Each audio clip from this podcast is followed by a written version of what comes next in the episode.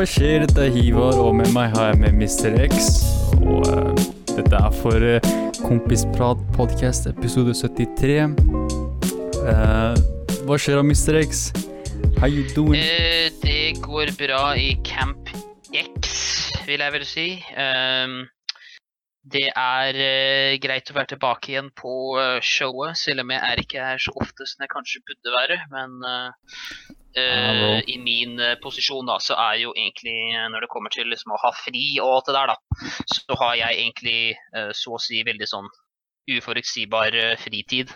Hmm. Så det er litt sånn.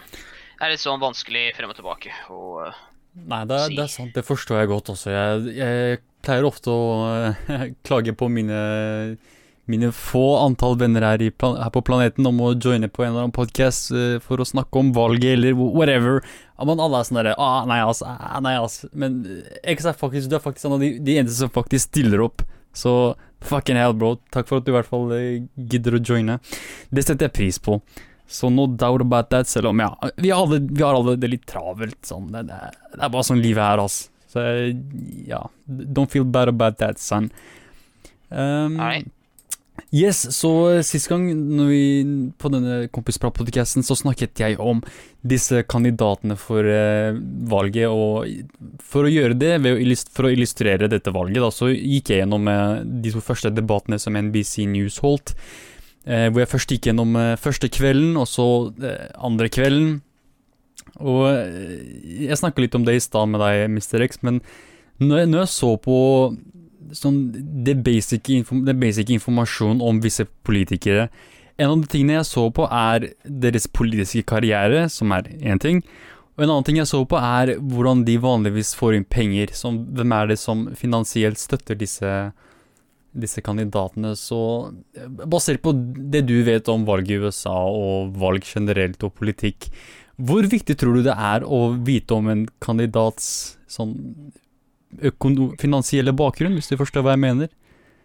Sånn, sånn for meg så er det life and death, egentlig, for meg. Fordi uh, uh, angående Det er jo en av de største problemene med amerikansk politikk, er at uh, du veit rett og slett ikke på om du kan stole på noen som helst.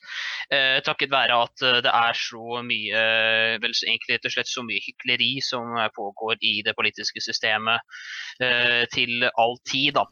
Du Ja. har for eksempel, det, jeg tror det er egentlig det mest eh, tristigste eksempelet, men som også er det mest eh, en av, et, det triste eksempelet, men som også er et eh, helt uh, legitimate eksempel, er uh, når godeste Obama bestemte seg for å uh, utsi da, han var, Hvor er det det er? Det er Fleet, Michigan, ikke sant? Hvor folk ikke har folk rett og slett Rent ikke har ja. Ja. Ja, det er Så han sier uh, the water is uh, clean. The water is clean. I, uh, I guarantee you that the water is clean. Og så tok han da og bare liksom tok et glass da, Ja. og drakk fra det glasset. This is uh, water from uh, Michigan uh, Water Reserve. So, uh, No way. Så, men drank han han- han- Ja, han drank, drakk fra drakk det, han, ja. og eh, jeg antar at det var at folk sa Yeah, he's gonna do something, and he did jack diddly fucking shit. Holy shit. Men det er, det er sant, han drakk faen meg av uh, Flint, eh, Michigan-vannet. Som en sånn Ja, eh, What? accordingly, accordingly, Ja. he didn't, you know. Men hvorfor tror du han gjorde dette her? Hvorfor? Ja, Holy ikke sant? shit, this water is uh, purple. I can uh, not drink uh, purple water. I'm the president. Oh shit. Men, men is uh, hvor, hvor tror du det kommer av? Altså, Hvorfor tror du det er sånn? Hvis, hvorfor, hvorfor gjør han det her? Hvorfor går han og drikker vann i Flint, Michigan? Fordi han skal bevise til dem at, uh, at uh, Ser du, jeg bryr meg om dere. Jeg har tenkt å fikse dette problemet. Men ettersom at uh, det viste seg jo veldig tydelig da, etter at siden at i dag jeg, jeg, eh, det, det her var vel i den andre valgkampen, 2000 og, uh, 2012. Og uh, siden da så Nei, det har jo ikke skjedd noe, da. Han har jo ikke, han har jo ikke fiks, De har jo ikke fiksa vannet. Det har jo ikke blitt gitt noen, spesielle, liksom, noen spesielle liksom, uh, funds til å fikse det. Fordi hvis det i så fall hadde blitt gjort det, så hadde det jo vært fiksa for lenge siden. Og dessverre så har jo det ikke skjedd. Nei, men en av de tingene som jeg eh, alltid syns er fascinerende med Obama, er at Han var en av de kandidatene som minner om egentlig veldig mange av de, kandidatene som man ser på scenen i dag også, hvor de har sånn et, et, et felles ønske om å representere folk flest, og at eh, det ikke er de rikestes interesser som bare skal ta- tas hensyn til, men hele folkets. Og det er det, alle disse kandidatene sa på debatten også, og det samme gjorde Obama. Var dette her med å appellere til vanlige folk, men eh, når, man, når han først kom i regjering, så var han jo ikke noe eh, særlig sånn representant for folk flest. Jeg tror Jeg er ikke helt sikker på om det var Kai Kulinski som sa det, men jeg tror jo, jo det var det han sa om Joe Biden. Var at uh, når det kom angående Joe Biden, det eneste Joe Biden var flink på, var å forsøke å, liksom, å kjøre en, liksom en, eh, en, eh, å kjøre en politisk valgkamp som var basert på å akseptere det republikanerne egentlig ville ha. På å kjøre på republikanske programmer, takket være, som du veit, at uh, Obamacare var jo aldri Obamacare. Det var jo bare Mhm. Mitt Romney sin, sin, sin Romney-care. Bare liksom Hei, dette her er Obamacare. Ja, Det er i fall litt grann bedre enn det vi har, så vi kan i minste late som at det er vårt. Ja, så greit til Obama er at når han først fikk makt, og når han først ble valgt inn, så hadde han Han hadde flertallet i, i jeg tror det var Kongressen, eh, men i hvert fall situasjonen hans da var satt opp slik at han egentlig kunne fått gjennom en del av politikken han ville ha, som f.eks. å innføre et uh, helsevesen slik som vi har her i Norge. Men i stedet, som du sier, så, så går han over til å velge Obamacare, som er eh, Han lovet det, du veit det. Og det tviler jeg ikke 'Å, på. jeg skal fikse dette'. Å ja Dette da. her er en rett, sa han. Å herregud, sa, ja. han s- sa det liksom til trynet til folk. vet du. Og det som gjør vondt, er at uh, når du kan se tilbake på det med uh, Hva skal jeg si uh, Ivar, du har jo nylig sett Når du har Som sagt, du kan se til det tilbake med så å si hindsight is, uh, hindsight is 2020 Mhm. så kan du jo rett og slett uh, se det, da. At um, kan du se at uh, med, liksom, Hvis du har på deg retrobrillene, så kan du se at han egentlig lagde mange altså, det, er det som er, det som er det vanskelig å forstå om Obama, er Løy han oppriktig, eller var han naiv? Det er det som spørsmålet ah. jeg stiller meg sjøl hele tida. Men jeg, eh, ja, hva, hva tror du, sånn, hvis du skal eh, analysere det på den måten, hva, hvilken Jeg, tror du det er? jeg er? håper at altså, det, er nett, det er det jeg sier, at det er et vanskelig spørsmål. Jeg håper Aha. at han er naiv. Jeg har jo aldri hata Barack Obama. Jeg syns det er vanskelig egentlig å hate mennesker som er uh, ha, man hater, liksom, hate mennesker som er opprinnelig karismatiske i seg sjøl. Personer som ikke liksom sitter og stammer og sånn øh, øh, øh, øh, Og liksom Ja. har bare sånne sycophant fanboys som hevder at Å, den fyren her er så karismatisk, men når han egentlig står der altså wink, wink, nudge, nudge mot folk som mener at Elon Musk er så jævla karismatisk. det er sånn type greier. Jeg har øh, jeg, øh, jeg liker jo ikke å hate en person som Barack Obama, som var så karismatisk og så flink til å øh, holde taler som han var. Mhm. Men øh, på samme tid så øh, er det litt vanskelig for meg å discounte at han kanskje, kanskje rett og slett bare løy om øh, alt det han skulle love å gjøre. Hmm. Fordi jeg tror egentlig Det kan også hende at eh, så å si at eh, Obama liksom smørte nokså tjukt på. Fordi han mente at ja, det er jo uvanlig at en, eh, at en som er blitt valgt, noen gang får inn absolutt alt det han skal alt det han skal få til. Og så smører man smører tjukt på, og så liksom kutter man ned på løftene ettersom tida går. Ja. Og til slutt så sitter man igjen da med den følelsen her Vel, eh, jeg gjorde ikke så mye, but at least I'm not Donald Trump. ja, men det er ikke, det er ikke nok. Sånn. Og det er jo shit. Det er jo nøyaktig det for vet du, derfor nøyaktig uh, godeste uh, Hillary uh, Clinton gikk uh, til valg med. Bare At least I'm not that misogynistic prick! uh, og uh, ja, jeg tror du uh, Jeg tror du liksom skjønner hva jeg mener angående. Ja da. Ja, men det, det som er interessant med Hillary sitt, sin kampanje, i, i sammenligning med, med mange av de dagens kandidater, er at Hillary hun, hun påstår aldri å være noe sånn superprogressiv. Selvfølgelig så, så, så prøver hun å representere de, den delen av velgerne, da. Fordi hun prøvde jo å få velgerne til, til Bernie Sanders. Og mange av velgerne hans er jo progressive, så du må komme med visse eh, visse løfter da, som, som eh, Jeg var nokså ynkelig. de, da, men eh, ja, det var ganske, ganske ynkelig. Ja, ja. Pokémon, go to the poll! ikke sant? Yay! Det er- I'm Hillary det er det som er Clinton! problemet, vet Det er det jeg ikke liker med selv Barack Obama også, er, er disse politikerne som er unge og uh, har, har noe erfaring og er karismatiske, er at mange av de så er det bare det de har å by på. Da, sånn der eh, retorikk. Sånn, det er ikke nok. Du må, du må komme her med god politikk også, og det er akkurat det. Så, så tilbake til Obama, om han er bare fuckings uh, ja, løgner, eller om han bare er naiv. Jeg tror det, det må være en miks. Uh, med miks mener at den naiviteten som, som, jeg reflekt, jeg assosierer med Obama, da, er ikke det at han er en uh, sånn uintelligent person. Det vil jeg ikke si. Det, det er faktisk feil karakteristikk uh, å gi til Obama at han ikke er smart. Han er en smart dude.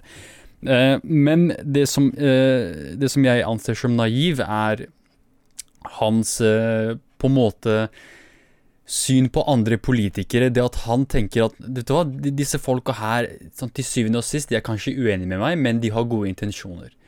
Og der tenker jeg naiviteten hans ligger, at, at han, han, kanskje han trodde, han trodde det Han trodde veldig mye godt om folk som ikke fortjente en slik eh, oppfattelse hans, fra hans side. da. Fordi han sitter jo med makten. Han var president, men likevel ga han så mye eh, av makten sin over til for eksempel, folk som f.eks. Mitch McConnell, som, som, Obama trodde i sin naivitet er at han kan overbevise Mitch McConnell om å komme sammen og eh, komme fram til en god, god politikk. At han i det hele tatt trodde at, og var naiv nok til å tro at republikanerne har gode intensjoner. Men uh, det han ikke skjønte, er at nei, de, de, de, gir faen. Republikanerne gir faen. De bryr seg ikke om eh, folk flest. De er jo eh, Man sier ofte at ja, ja, Du kan bare hoppe inn her, du.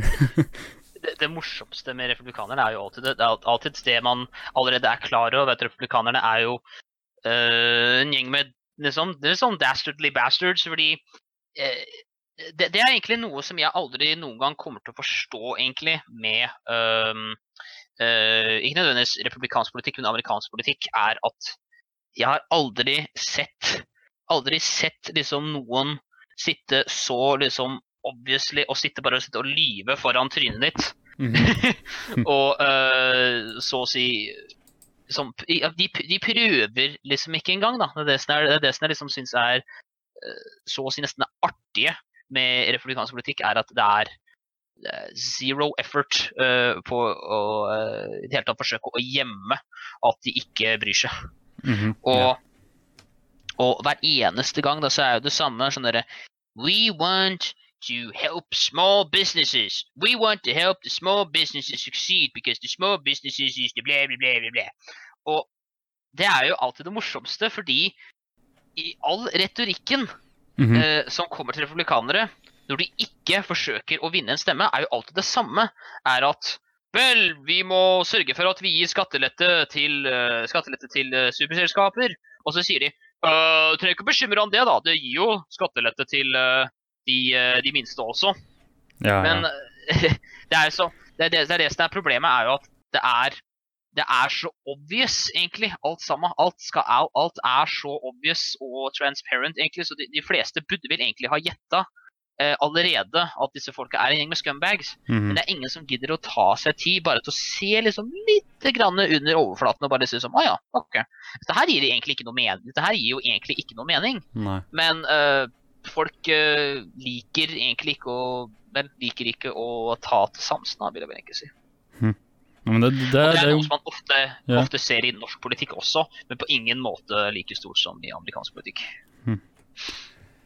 Ja, men det, det, jeg syns det, jeg, jeg synes det er litt trist her at eh, det finnes veldig mange folk der ute som tenker å, disse skattekuttene Ja, mange, mange, mange, av de går til de rike, men jeg får jo også noe sånn Oi, jeg sparte jeg sparte 18 000 kroner eh, i disse nye skattekuttene.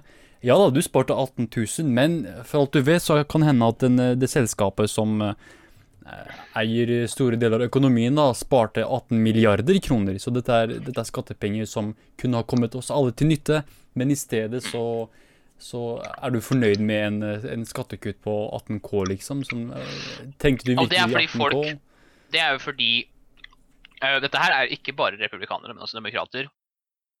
At de har sin narrative, da, som de liker liksom å gi ut til folk. Og det er det sånn Taxes bad! Ja, det Taxes bad!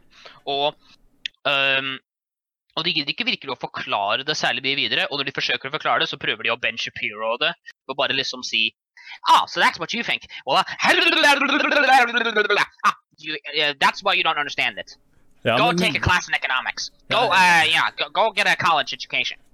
Det er sånn, sorry, ass, men for meg det, det punktet hvor jeg begynner å, begynner å ta folk litt mindre seriøst i, i samtaler om politikk, er eh, i- Du kan, du kan f.eks. være imot konseptet om skatt. Du kan mene at det er tyveri.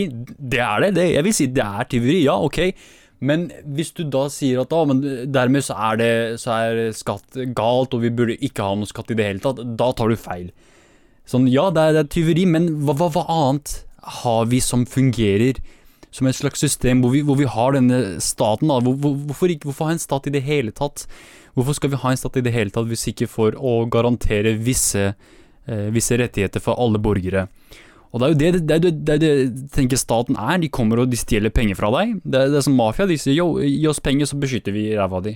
Det, er basically det det er. Men det er jo det som fungerer for, for at vi skal ha et samfunn i det hele tatt. Man må, man må ha denne Men Ikke full troverdighet, er men noe troverdighet til staten. Men i det minste, staten er jo i hvert fall pliktig til å ikke uten god grunn brekke fingra dine, i motsetning til hva en fyr som heter Sonny eh, kan gjøre.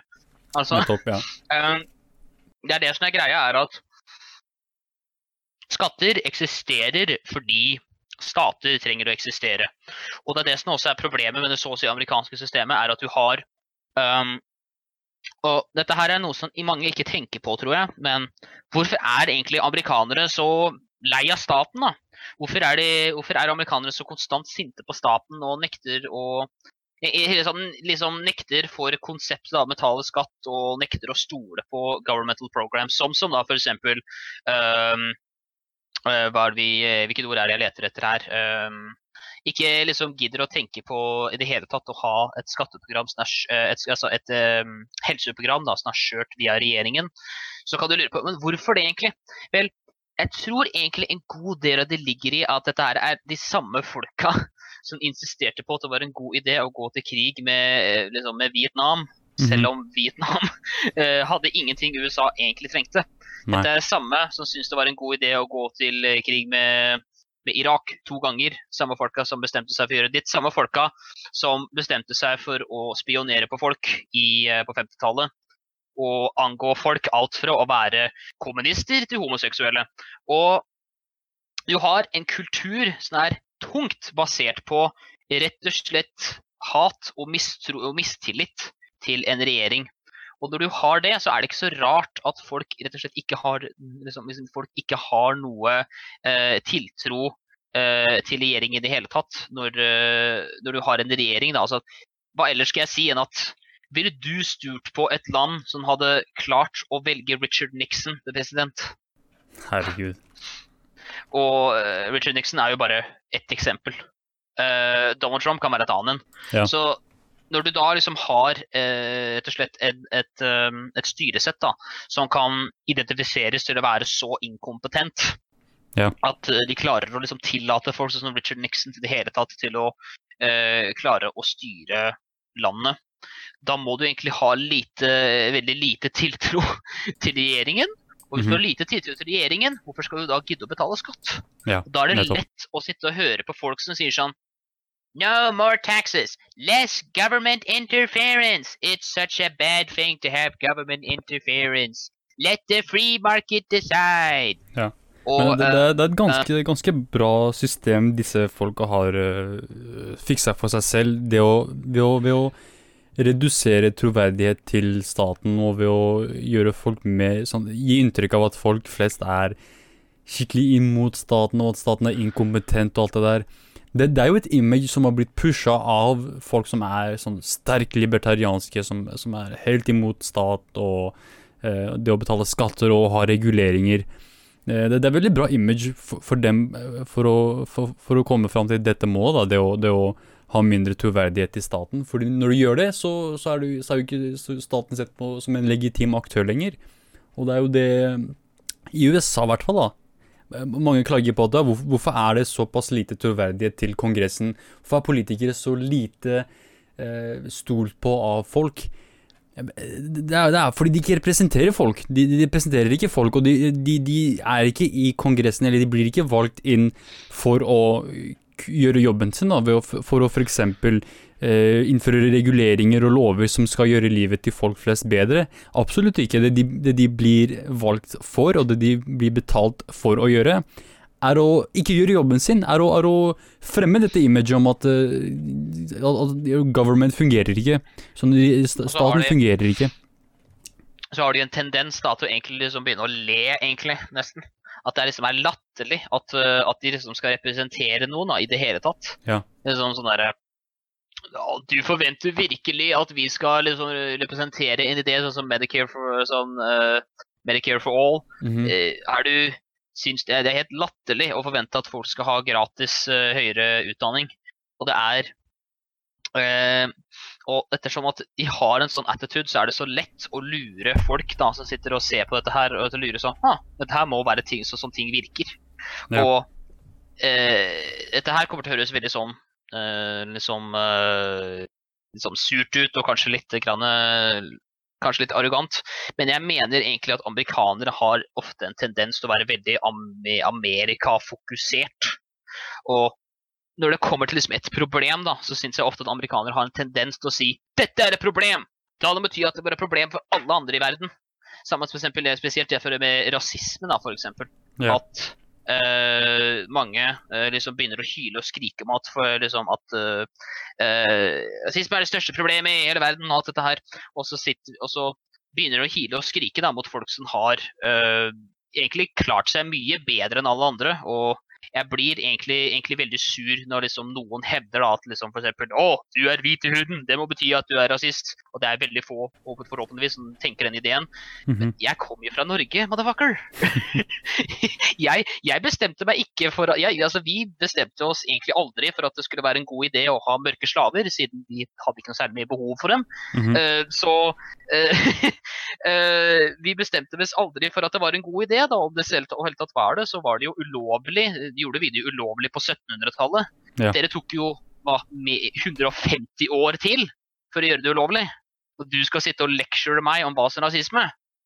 Go fuck yourself. Og eh, at når, når du, Det er egentlig en litt sånn farlig tankegang det da, med at amerikanere tenker liksom at hvis det er et problem i Amerika, så må det være et problem med alle andre. Hvis det er et problem for amerikanere å liksom forestille seg et system hvor du har et single player healthcare system, så må det være et problem i alle andre land også. Det er ja. ikke det. Ja. Men det, de altså, er jo dra, til, alene om dra til Tyskland og spør den average tysker om han er fornøyd med helsesystemet, og han kommer til å si eh, sure, whatever. Det er det de fleste kommer til å si. Ja. Fordi uh, det, det, er det som er um, Det er det som er det latterlige, da. Uh, er at Og det er det som også er uh, the go to-argumentet for de fleste amerikanske politikere i dag, er å si It's too hard! We can't do it! Look at how many people are in our country. We can't do this reform. Oh, it would be too expensive, bla, bla, bla. Og det, det, det syns jeg egentlig er morsomt, da, er at den der såkalte 'it's too expensive'-argumentet uh, har liksom uh, forsvunnet mer og mer og mer ettersom at folk uh, ikke gidder å høre på det lenger. Og det, det er lenge siden jeg nå egentlig hørt CNN og Fox News nevne det. 'It's too expensive'.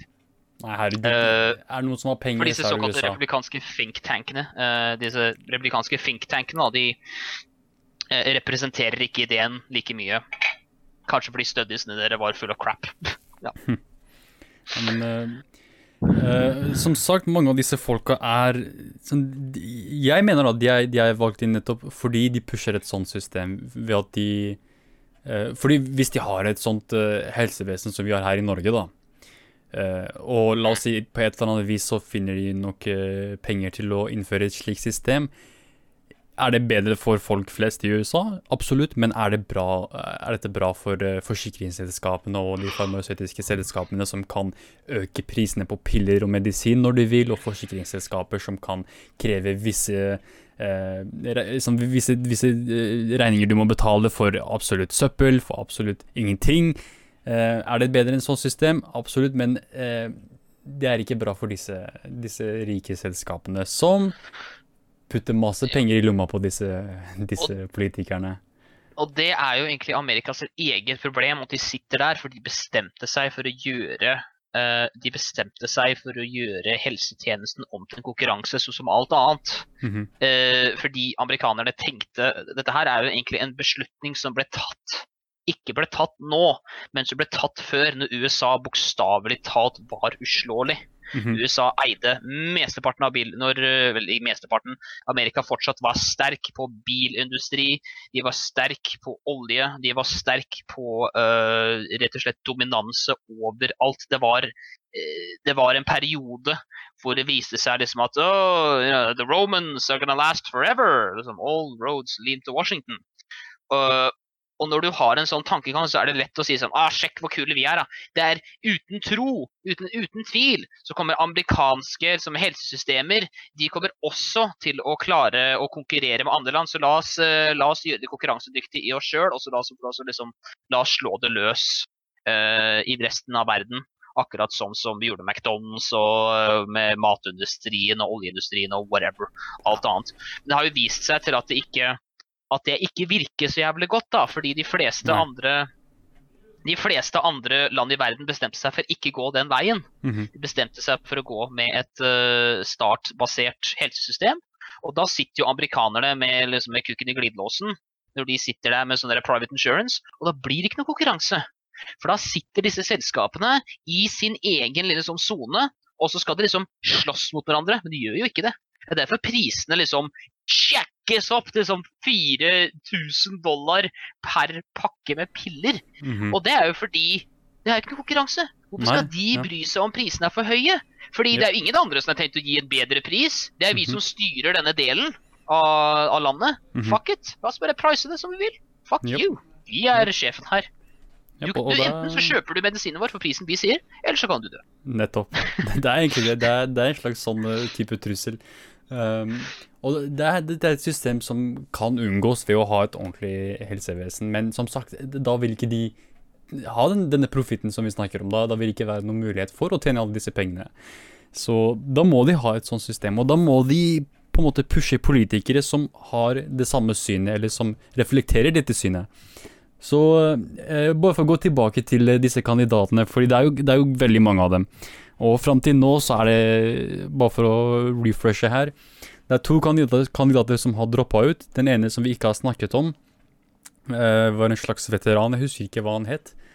Uh, veldig sånn aggressiv type, veldig sterk vil jeg si, men uh, han var ærlig om at han ikke hadde noen sjanse, og han ga opp og mente at det ville være urettferdig å fortsette å ha kampanje, selv om eh, det ikke noen, eh, det ikke er så stor sannsynlighet for at han skulle klare å vinne. En annen person er Swowell, Swalwell, jeg husker ikke hva fornavnet hans var igjen, så, såpass lite vet jeg han. Eh, men han var jo en typisk eh, sånn eh, kandidat som eh, minner veldig om eh, Hillary Clinton og eh, det, er den type politiker som eh, de etablerte maktene i USA vil, vil fremme, da. Men når vi så på disse kandidatene og så på bakgrunnen sånn, og denne personen var kongressmann, også senator, også ordfører, eh, og en annen ting vi så på var eh, hvor mye penger de får inn, og hvor de får pengene sine inn fra. Bare sånn morsom fun fact med Bernie Sanders er at 100% av hans eh, bidrag, sånn kampanjebidrag, er fra individuelle aktører. Eh, Så det er snakk om eh, folk som donerer penger for mindre enn eh, 200 dollar. Eh, og eh, en viss andel også fra, fra sånn større, større summer, da, men det var mer av de mindre bidragene. Og da er det vel en god del yngre folk som også deltar på det, antar jeg. Ja, det, det var jo snakk om småpenger som ble eh, På en måte, du samler, du samler inn mindre ressurser fra flere folk, da, så får du inn mer penger. Og på den måten, da, det er jo mer interessant, fordi på den måten, hvem er det da du, du er eh, eid av? Fordi hvis vi først skal følge pengene, hvem er det som har kjøpt opp din dualitet? Når du er en person som Bernie Sanders, da, som har alle disse folka her som dine, som dine bidragsytere, da, da må du jo representere dem. Da, da må du jo representere de som ga deg sånn 27 dollar eller 25 dollar eh, per donasjon. Det er det er der du har dine lojaliteter, da, vil jeg si. Men hvis du er en person som Kamala Harris eller Joe Biden, da, som eh, får større summer fra eh, Ja, det kan være store summer på, over 200, 200 dollar. eh, individuelle bidrag. Det kan også være fra selskaper, altså sels sånn visse medlemmer av et selskap som alle donerer maksimumbeløpet, som jeg tror det var litt over 2000 dollar. I do Nei, for 1000, you, you 1000. do for me. Nettopp, ja. Og tidligere så var jo dette her ulovlig. Sånn, det, det er en ting jeg ikke visste om eh, gammel, sånn gammeldags amerikansk politikk, da, er at eh, det var ikke greit for eh, fagforeninger eller sånne korporasjoner å delta i politikken på den måten de gjør i dag. Ja. Men av? Citizen United, ja, ja Eh, dette her kommer til å høres så skikkelig teit ut, men uh, en ekte republikaner sånn som uh, Teddy Roosevelt snur seg i graven. uh, shit. Eh, nei, det er, det er sant, det. At, at, at Amerika egentlig gikk fra et stedsystem som var veldig veldig stolt av sine checks and balances, og at det var regjeringen som var the federal government som var det sterkeste. Og nå sitter vi etter, etter Reagan, så sitter de igjen med dette her. Mhm, ja. Og det som er interessant med, med Citizen United eh, eh, Hva kaller man det? Domstolsavgjørelsen? Jeg vet ikke hva, hva det norske ordet for det er. Men i hvert fall som et resultat av denne dette søksmålet som eh, denne organisasjonen kalt Citizen United eh, eh, trakk fram, gjorde det slik at eh, fagforeninger og kooperasjoner kan da putte masse penger inn i eh, visse kandidater, altså individuelle bidrag fra selskaper og fagforeninger som på en måte fremmer visse kandidater, men samtidig så hadde man konseptet om eh, Political Action Committees, jeg husker ikke hva det heter på norsk, politiske eh, kampanjekomiteer, noe sånt. Men greia til disse, disse, disse komiteene, da, disse Political Action Committees, PACs, er at de får inn masse penger fra masse forskjellige aktører. Det kan være tusenvis av forskjellige store selskaper som vil kanskje at uh, visse reguleringer skal kuttes, da, slik at de f.eks. kan da uh, kaste søpla si, kaste, kaste avfallet sitt visse steder som er billigere for dem, men kanskje kommer på bekostning av at naturen der blir ødelagt, eller klimaet blir ødelagt. Så da, da putter de masse penger i denne packen, som igjen da enten donerer penger til visse typer kandidater da, som fremmer disse, disse ønskene om å endre loven, enten det er å kutte reguleringer eller kutte skatten for selskaper. Eh, og de kan også bruke disse pengene til å individuelt, altså i seg selv, disse packsene kan bidra til den politiske kampanjen. Så de må ikke nødvendigvis donere penger til en viss politiker og si eh, ok, denne kandidaten her eh, Eller som et resultat, altså sier jeg som en person som ser på disse tallene, sier å, denne personen her har bare 2% av sine, sine donasjoner fra Pax. Det må, det må ikke nødvendigvis bety av at de ikke er sterkt avhengige av Pax. Fordi, nettopp, nettopp fordi disse Paxa kan bidra til politiske kampanjer sånn, for seg selv, gjør at de da kan eh, lage reklamer og sende masse ads på TV som fremmer visse kandidater, eller som går imot andre kandidater.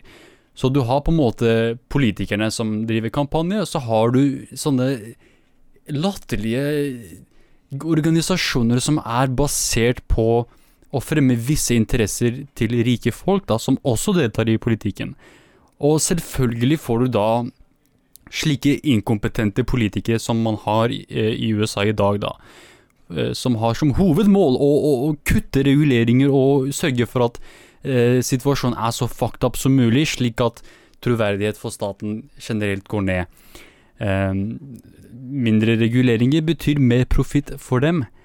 Og eh, Pax er en veldig god måte å få frem eh, den type korrupsjon, da. Det er en veldig god måte Da for disse å drive korrupsjon. Da kommer vi frem til det vi var igjen, da. Det, det med at eh, USA som et land, da, eller spesielt ofte eh, amerikansk politikk, Mhm. har i hvert fall siden jeg vil i hvert fall si siden 80-tallet har vært veldig fokusert på at Uh, veldig fokusert på at USA var fra 50-tallet og fall opp til 70-tallet verdens fremste økonomi. Og det er det jo fremstått.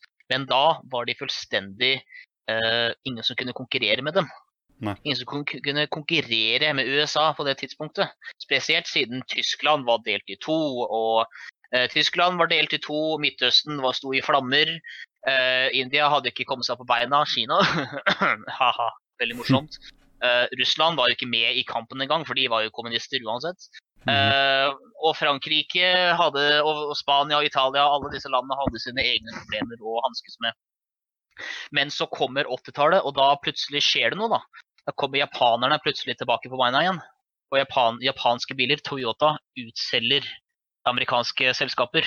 Volkswagen kommer på beina sine, og de utselger. Og Volkswagen kjøper andre selskaper, sånn som Opel, og kommer seg på beina igjen. Amerikansk bilindustri går under i resten av verden. Mhm. Plutselig så går det, tror egentlig det går opp for mange amerikanske politikere og generelt amerikanske selskaper at hei, eh, ser ut som gullperioden er over.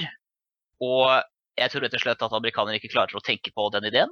Så det de gjør, er at de pumper penger inn i en, liksom, en sånn svær sånn ballong. Sånn, det er sånn her amerikansk eh, industri overseas.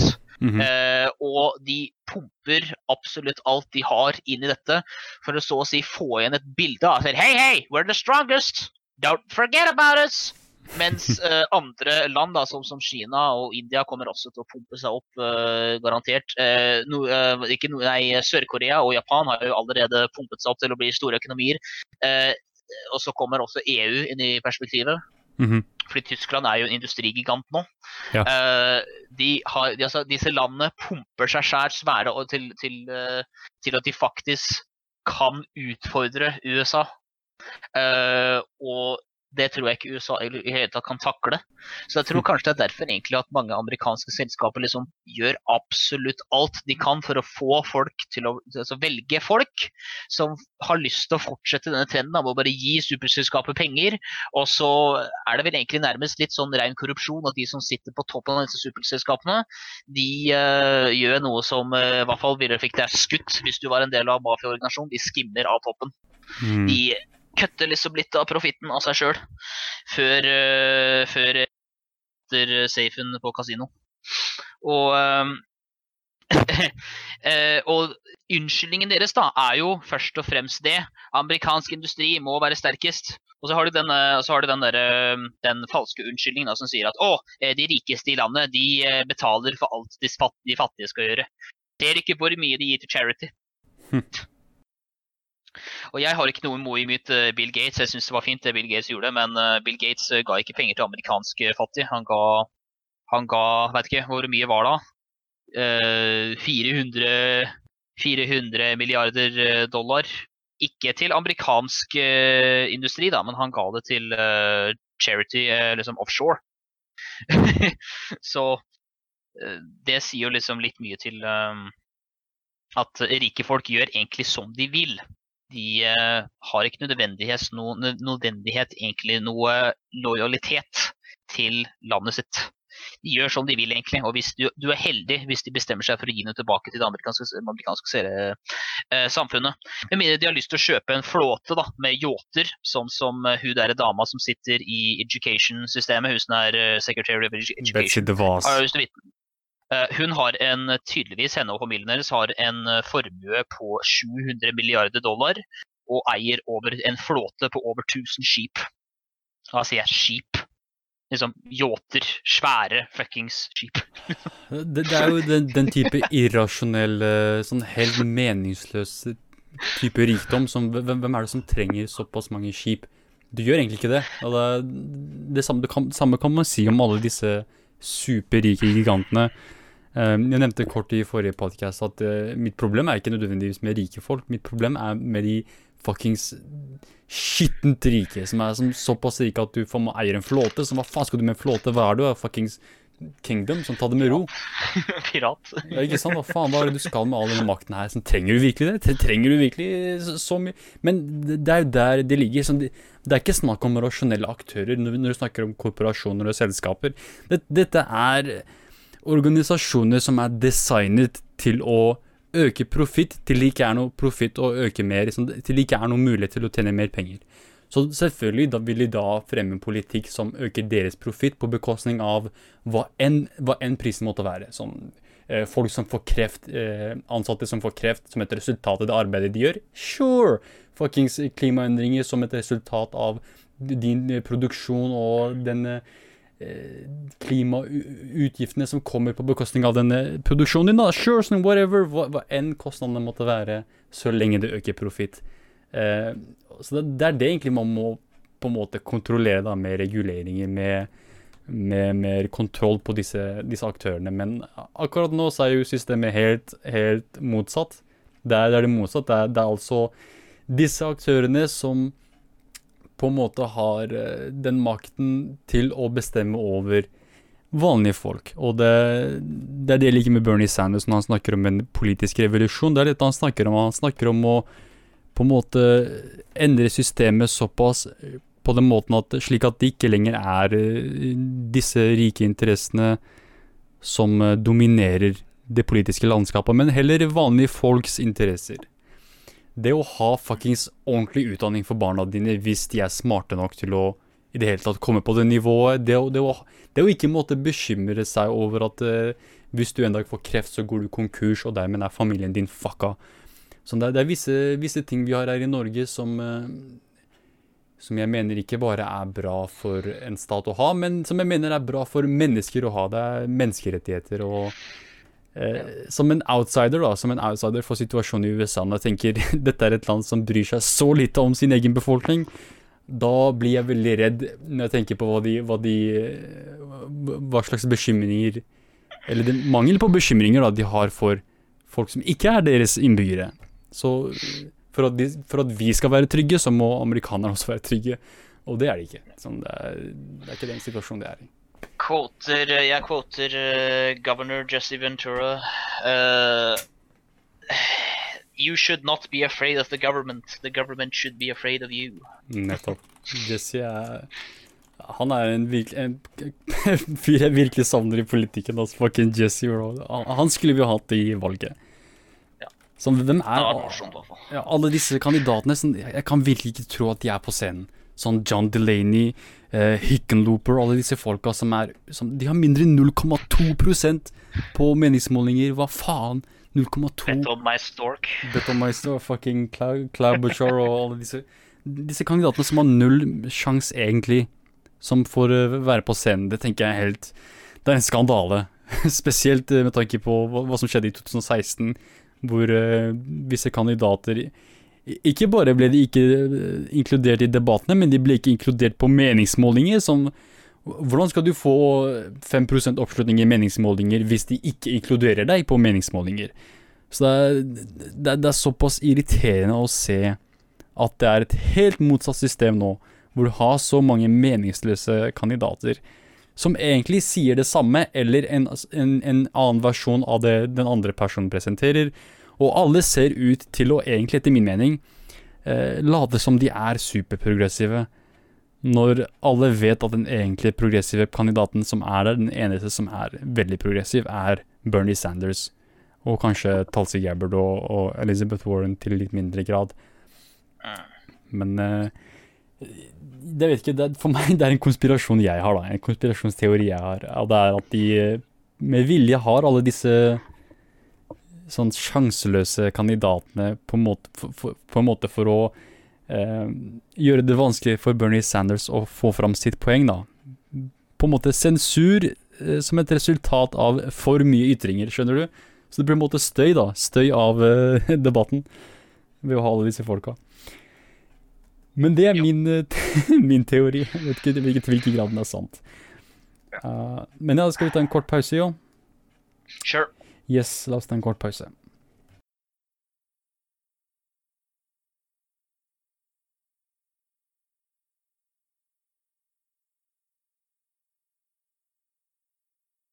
Uh, yes, da er vi tilbake fra pausen. Uh, og for denne delen så tenkte jeg vi kunne snakke litt mindre om politikk, og kanskje noe, noe mer uh, avslappende. So, no, thank you! We don't want any more visitors, well wishes Og husker ikke de siste. Distant relations. What about distant relations? And what about very old friends?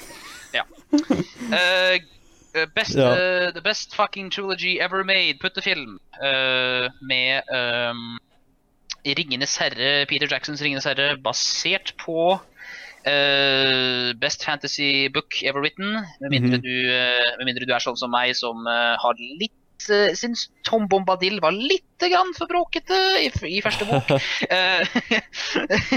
men det, ja. Uh, som sagt, jeg, jeg, liker å høre på lydbøker, og når det kommer til uh, Tom Bombadil-kapitlet, så er det veldig mye Hei, Bombadil, Tom på tulle, Han holder aldri kjeft, ja. så han er jo slitsom. Det er kanskje derfor jeg liker filmen litt bedre, for han er ikke, han er ikke med. ja. Men det, det, er en av de tingene som er veldig interessant med, med filmene, er at på den ene siden så følger de uh, bøkene veldig godt, men på den andre siden så har de kutta ut store deler av storyen, da, som f.eks. Tom Bombadil, som er veldig ukjent for folk som ikke har lest bøkene. Men mm. uh, for de som litt, uh, har litt be sånn bekjentskap til bøkene For, for meg, f.eks., så er Tom Bombadil en, sånn, en av de mest mysteri mysteriøse folka i hele, hele storyen. Sånn, hva faen? Fordi, han tok på seg ja, altså, ringen, altså, og ingenting skjedde med han. Så what the ja.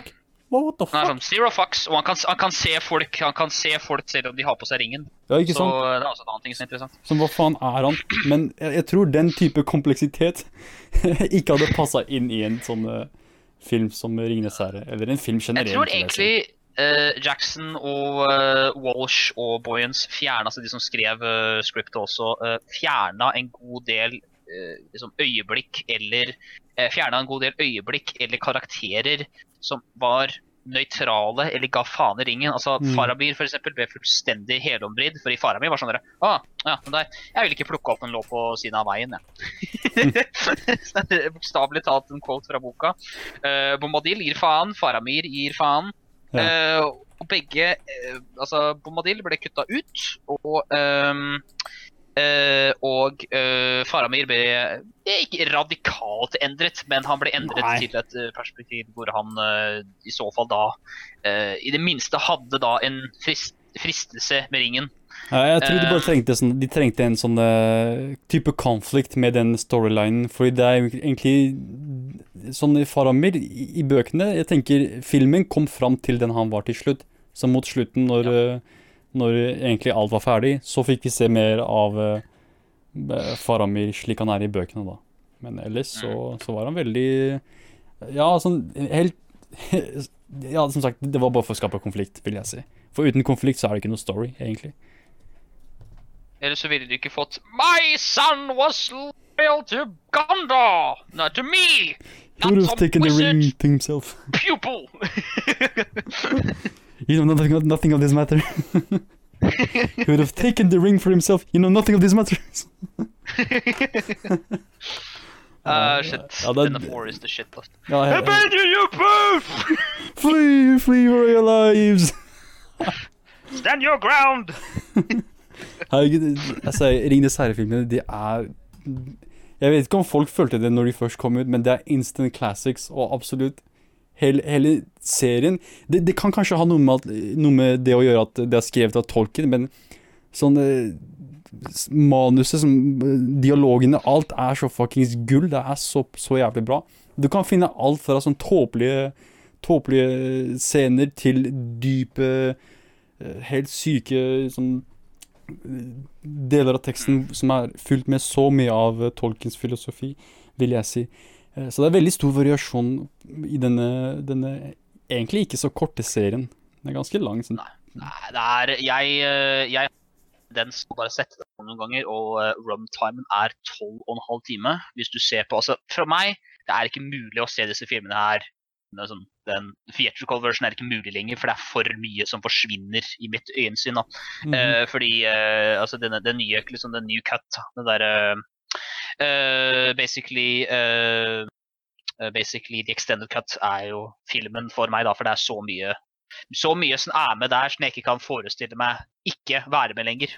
Nei. Og det blir sånn Hvor faen ble av den scenen? Du får, du får det, liksom den følelsen. Um, det som jeg egentlig liker mest, da, og med uh, 'Ringenes herre'-filmene i seg sjøl, er alt er alt det fordømte liksom, arbeidet som ble puttet inn i uh, filmene å, for å få uh, dette her til å virke. Og det, som er mest fascinerende med seriefilmen, er at dette her er jo den typiske filmen som du ville forventa hadde gått i dass. Fordi mm. liksom, det, er jo, det er jo så masse så mye de skulle gjøre, så mange ting som kunne gått fullstendig feil. Og det var jo til tider hvor det nesten gikk feil. Mhm. -hmm. Orlando Bloom faller og knekker uh, ribbeina sine. Sean Astin stikker, stå, liksom, tråkker på en jævla glassplint som stikker halvveis gjennom foten hans. Oh. Eh, og um, um, ah, hva ellers? John Rhys Davis får akutte sånne akutte um, utslett i trynet pga. makeupen. Viggo Mortensen brekker, uh, brekker begge tærne ja. uh, og, og deliver verdens beste skrik. Ah! det er så, det, jeg kan faen meg grine av det skriket. Altså. Det er så perfekt, det, det jævla skriket. Og så drukna han nesten, da. også. Drukna han uh, nesten også uh, i uh, den derre Er det Det er ikke Anduin, det han drukner i? Jeg er ikke sikker. Hvor han nesten drukner. Det husker jeg ikke. Um, Ikke han holdt på å drukne der. Så det er mye som liksom kunne gått, kunne gått feil. Mhm. Men alt går jo til slutt riktig, og ehm, hvis du, jeg, er- rader alle, hvis noen hører på i det hele tatt, så uh, rå, etter at vi, siden vi ikke snakker politikk, vi snakker bare fanboy over Ringenes herre, Mhm. vær så snill og skaff deg extended cut og se på dokumentarene. Alt, absolutt alt sammen. Alt av kommentar, eh, commentary, alt som er av liksom uh, appendices og alt sånn shit. Det går i timevis, men det er verdt det, for du, du, du blir sånn Oh my god! Det er sånn Det er overveldende hvor mye arbeid. For eksempel, da, liten detalj. De som, absolutt alt du ser av brynjer Alt du ser av brynjer altså det er jo ikke, Folk gikk ikke rundt altså bokstavelig talt ikke brynjer, de gikk rundt i en eller annet sånn type plastic replacement. Mhm. Men de som hadde laget disse brynjene, de satt bokstavelig talt bit for bit og pusla sammen brynjer i fem år. Satt de hver eneste dag og pusla sammen brynjer eh, for eh, orker, urukai, eh, alle, alle i The Fellowship. eh, Fucking absolutt alt sammen. Og de folka, apparently, ifølge Peter Jackson, disse folka her er perfekte tyver nå, for de har ikke, de har ikke fingermerker lenger. De har ikke fingerprints. Fordi de, har, de er satt der og jobba i fem år og bare lagde brynjer. Og det sier litt om absolutt alt som var ehm, Absolutt alt da som var putta inn i arbeidet. Uh, en annen rask detalj er jo at f.eks. folk lurer på hvordan lagde de alle disse scenene hvor du ser liksom insane liksom C-shots. F.eks. alle, alle veit dette shotet hvor kamera følger toppen av Isengard, går ned i Isengard, følger rundt, og du ser kråkene fly, og så ser du Saruman som går og sier They are taking the mountain pass over Karatras. Ah, ja. Og uh, alt det der. Og grunnen til at de fikk til det, er fordi Veta Workshop, uh, magikerne som lagde det, de var ekstremt gode på å bruke om igjen alt de hadde. Så nesten alle shots du ser, er egentlig resirkulerte ting. Og de hadde alt da på liksom, om storage. Hei, vi trenger litt Gondor over her. Så bare satte de opp Gondor. Og så liksom, når de var ferdig med, når de var ferdig med Helm's Deep, så brukte de Helm's Deep til å lage Minias Tirith. Bare mate det om, og så lagde de Minias Tirith fra Helm's Deep. Og det er og Hvis du følger egentlig godt med, så ser du hei, det der ser jo egentlig akkurat ut som Helm's Deep, men du, du legger ikke merke til det med mindre du veit det. Ah. Og, og når du eh, Men du, du, du blir ikke sur pga. det. Du tenker oh shit, det der er en del av Minnes Tirith. Oh, så blir du giddy, liksom. og sier sånn Dette er så kult. Uh, og det er derfor disse filmene her til meg da er det beste hvorfor liksom du kan godt liksom felle en tåre på slutten når uh, Into the West av Annie Lennox spiller, fordi du veit liksom at absolutt alle som, er, som har vært med i denne fordømte filmen her, har jobba ræva av seg, liksom. Helt Mhm. ned til siste deadline for å lage en film som uh, Den siste filmen vant vel tolv Oscar, var det ikke? På uh, eller noe sånt. Det var vanvittig. Ja, men det, var en ganske revolusjonerende film. Herregud, ikke bare med sånn, eh, visuelle effekter, men musikken også. Altså, musikken er en av de mest uh, imponerende ved, ved hele serien. Ikke bare eh, sånn, eh, sangene som kom på credits, men eh, sånn, gjennom hele filmen. Sånn tematikken som eh, sangen bygger på. Det er, du, du kan føle sånn det, det det manusforfatterne vil få frem i musikken, tenker jeg noen ganger. Det er ganske imponerende. Og det Men, er også fordi ja, Kan jeg få lov til å si noe? Jeg snakker veldig mye, for jeg er jo veldig gloating over fordi jeg har sett så fans, mye ja. ja. Uh, uh, nei, Howard Shore intensjonelt gikk inn og Du veit fellowship-theme, ikke sant? ja. Uh, Fellowship-starten starter med Når de sier 'You shall be the fellowship of the ring'. ja. Og det er liksom OK, nå er fellowshipet laga, og så har du liksom main theme når fellowshipet går. Er ba, ba, da, da, da, da, når de går oppover fjellet, som by the way er filma på et Det er ikke studio, det er filma på et fjell. det er også veldig awesome. Ja, ja. Um, uh, hvor de går opp da på fjellet. Eh, og så begynner du å legge merke til, da, etter at, etter at uh, Så hører du liksom Fellowship in action når de løper gjennom Moria. Men når Gandalf som sagt bestemmer seg for å ofre livet sitt for å ta Balrogen, ja.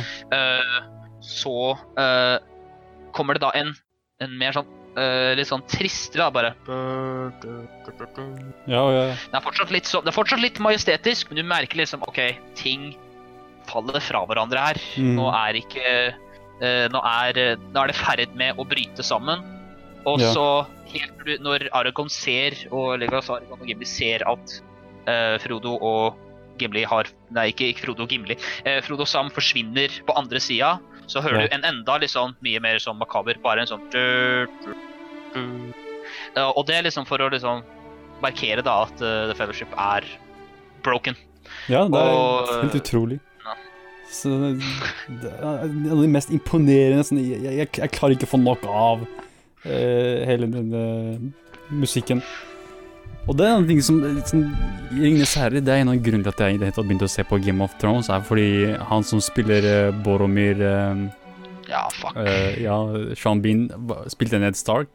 Og selvfølgelig, du, var en av de som anbefalte meg å se på Game of Thrones. Sånn, å, Yeah. Shit, gjorde jeg det? Det faen, jeg husker ikke. Ja, det var faktisk du. faktisk, jeg husker når du introduserte det, jeg tenkte sånn Get the fuck out of here with the nerd shit.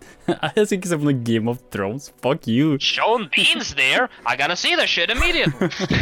Men det var det, det, shit. eh, En av de grunnene til at jeg likte Game of Thrones også, er fordi det minnet meg litt om Ringenes herre, med, med tanke på at det var såpass stor fokus på produksjon. Sånn, musikken var fuckings topp, akkurat som Ringenes herre.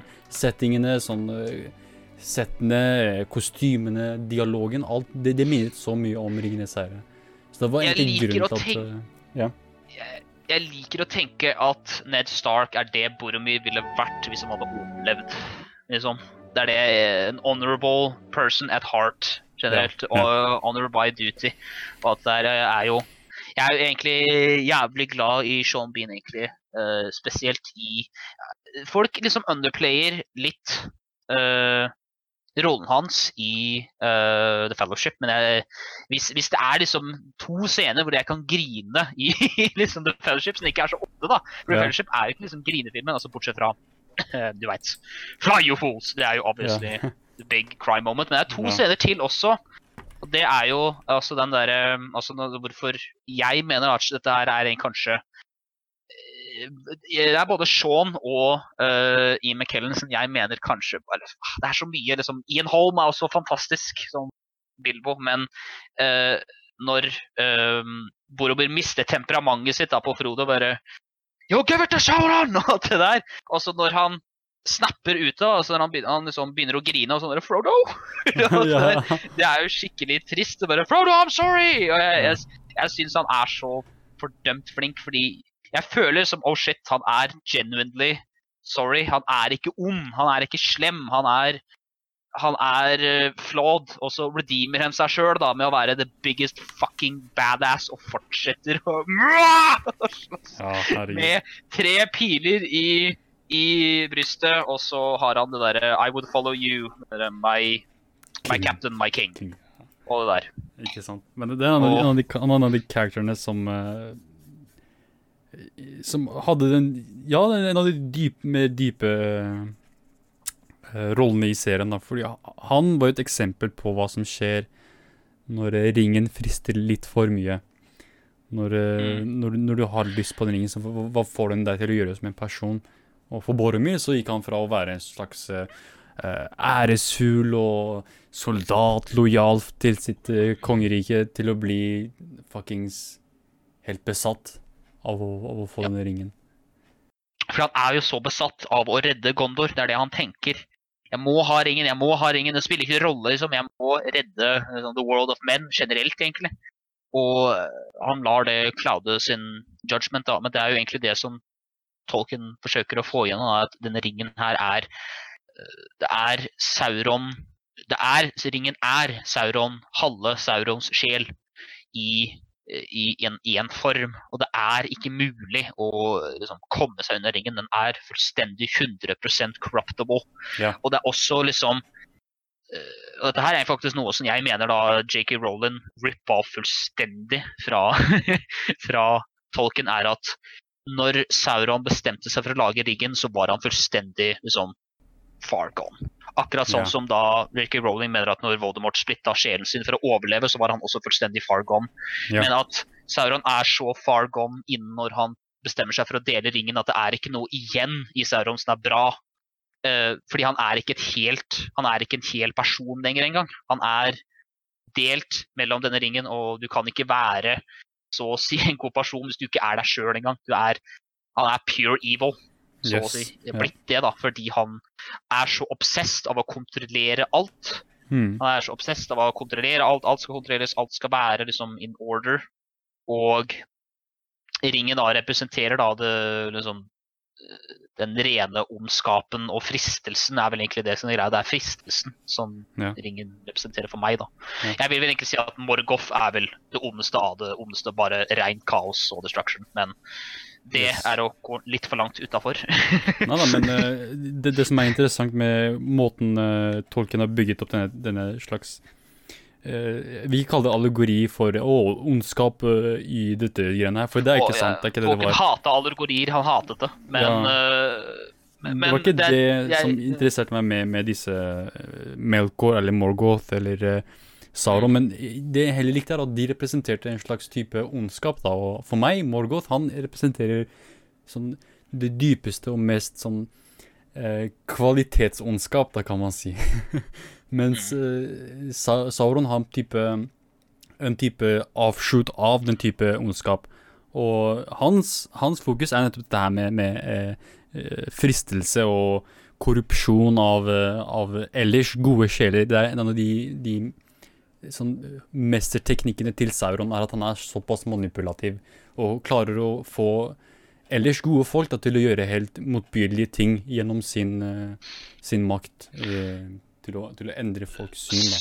som på noen måter egentlig Sauron nesten det er, Jeg tror uh, at uh, um, Hva er det jeg sier? At uh, godeste tolken gjorde det nokså klart da, at Sauron var omtrent like mye som trussel som Morgoth var. Kanskje ikke like mektig, men ikke liksom fysisk mektig, men på en helt annen måte mektig, fordi Sauron klarte noe som ingen andre av disse som Morgoth ikke klarte. Morgoth klarte ikke å være seductive, på en måte. Ja.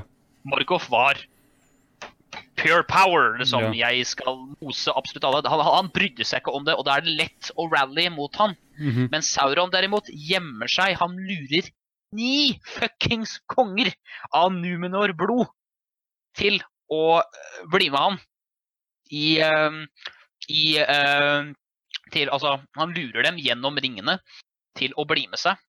Uh, han lurer Celebrimbor til å lage ringene. Dreper ham subsequently etterpå.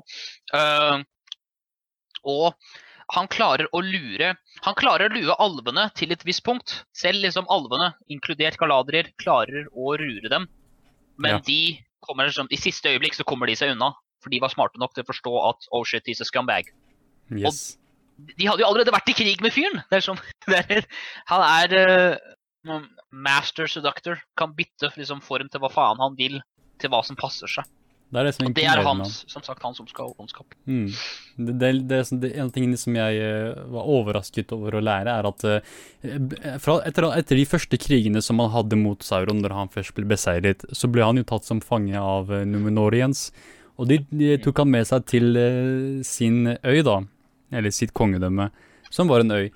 Eh, og der så, så var Sauron med på å friste dem til å eh, oppsøke det alle mennesker vil ha, og det er udødelighet. Og disse Numenori-folk- Numenorian-folka, de levde allerede ganske lenge, så de hadde veldig eh, lang livstid, egentlig, sammenlignet med vanlige mennesker. Mm. Men de hadde ikke alvenes udødelighet, og det, det var de veldig sultne etter den type makten. Og Saron var med på å han var med på å, å på en måte hype opp uh, disse Numenorian-kongene til å kreve denne udødeligheten fra så å si gudene, da. Sånn, og vi, vi, vil ha udødelighet, det skylder oss det, fordi vi er såpass mektige konger, vi fortjener det. Eh, hvordan våger du å, å nekte meg denne, denne, gaven, da? Og et resultat av det var at eh, Numenorians erklærte krig mot sånn demigods i, i uh, Valinor. Og det, og det gikk veldig dårlig. Ja, det gikk veldig dårlig. Det resulterte med at uh, havet ble splitta, og hele Numenor ble senket til havet, slik som Atlantis, eller noe sånt. Og Sauron døde med dem. Eller kroppen hans døde med dem, da. Og så kom han tilbake og eh, på en måte lurte dem på andre vis. Men det er, det er, jo en av de grunnene til at uh, Sauron alltid har hata folket til Gondor og disse Numenorians generelt, er fordi de er blant de eneste som alltid har klart å på en måte beseire han. Han har aldri klart seg mot dem, så han er egentlig litt redd for dem.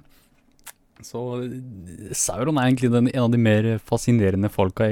Ikke bare fordi han er ondskap og representerer ondskap, eh, sånn som med Morgoth, men måten han tiltrekker seg de mest sånn syke cult-situasjonene, uh, da, at folk begynner å tilbe han og fuckings uh, Ja, blir helt, helt uh, hypnotisert av hans, hans, innflytelse. Og det var jo det, det, siste vi så, var at han ble beseiret i treeren, men hvis jeg ikke husker feil, så var det slik at Tolkien hadde en slags, ikke sequel, kan man si, men en sånn etterfølger av hele denne, denne situasjonen. Det med at ringen ble beseiret, uh, ringen ble ødelagt og Sauron ble knust. Etter det så skal det ha, visst ha vært sånn at uh, et par tusen år i fremtiden så hender det, hender at uh, noen folk kommer og lager en kult hvor de tilber Sauron. Sånn at ondskapen hans har liksom uh, overlevd så lenge, og det blir på en måte den neste, neste konflikten, da er disse, til, disse, disse folka til Sauron, som på en måte lager bråk i Middle Earth. Så det skulle visst være sequelen til Ringenes herre. Så det, det, tenker jeg, det er, en, det er, en, interessant type ondskap som Tolkien hadde Hvis jeg ikke husker feil, da, hadde de tankene. Det må, det måtte Ikke nødvendigvis selve personen, selve personen som representerer ondskap, men folk som beundrer den type ondskap, også på en måte kan bli en såpass stor eh, bråkmaker da, med, i, i, verden, ved at de påfører hele verden såpass mye lidelse. Men så langt eh, kom han aldri, dessverre. Så nope. Alle han begynte, han begynte jo ja, så seint, egentlig. Ja, det er sant, ja. ja. Mm. Det var veldig Det er veldig mye som også er igjen da, fra hans eh, notater og små stories som han eh, skrev ned før han døde, og mange av de kommer ut selv i dag, hvor, det, hvor man ser oppdateringer av hans eh, fortellinger.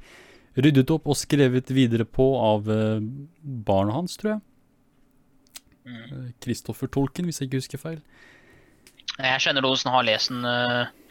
Jeg tror det kommer til å ta en stund før jeg orker å lese iallfall. Ja, det, de tekstene der, det er ganske Man må egentlig være sånn Tolkien-nerd for å lese de, de, den type tekster også. Men uh, utenom det, da. Filmene er, er, classics. Fucking classics. Det er en av de kanskje best, beste trilogiene som har blitt lagd.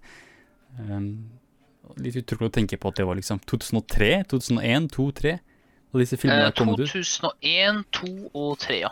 Helt sykt. Sånn, selv i dag, over 20 år etter Nei, ikke, ikke over 20 år. Nesten 20 år etter. Eller er det over 20 år?